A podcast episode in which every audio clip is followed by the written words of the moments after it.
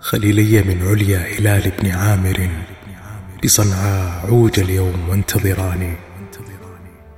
ألا فاحملاني بارك الله فيكما إلى حاضر الروحاء ثم اتركاني. على كبدي من حب عفراء قرحة وعيناي من وجد بها تكفاني.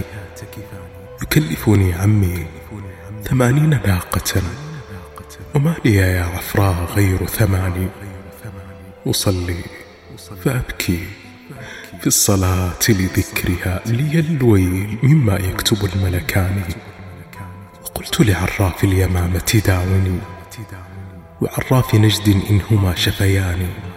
فقال نعم نشفي من الداء كله فما تركا من عوذة يعرفانها ولا رقية إلا بها رقيان ورشا على وجهي من الماء برهة وقام مع العواد يبتدران وقال شفاك الله شفاك الله والله ما لنا بما حملت منك الضلوع يداني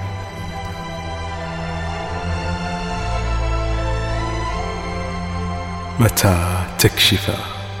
عني القميص تبينا بي الضر من عفراء يا فتيان وتعترفان لحما قليلا وأعظما دقاقا وقلبا دائم الخفقان فوالله لا أنساك ما هب الصبا وما عقبتها في الرياح جنوب.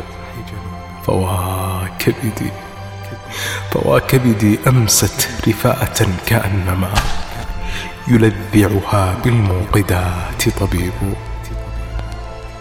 وما عجبي من موت المحبين في الهوى ولكن بقاء العاشقين عجيب.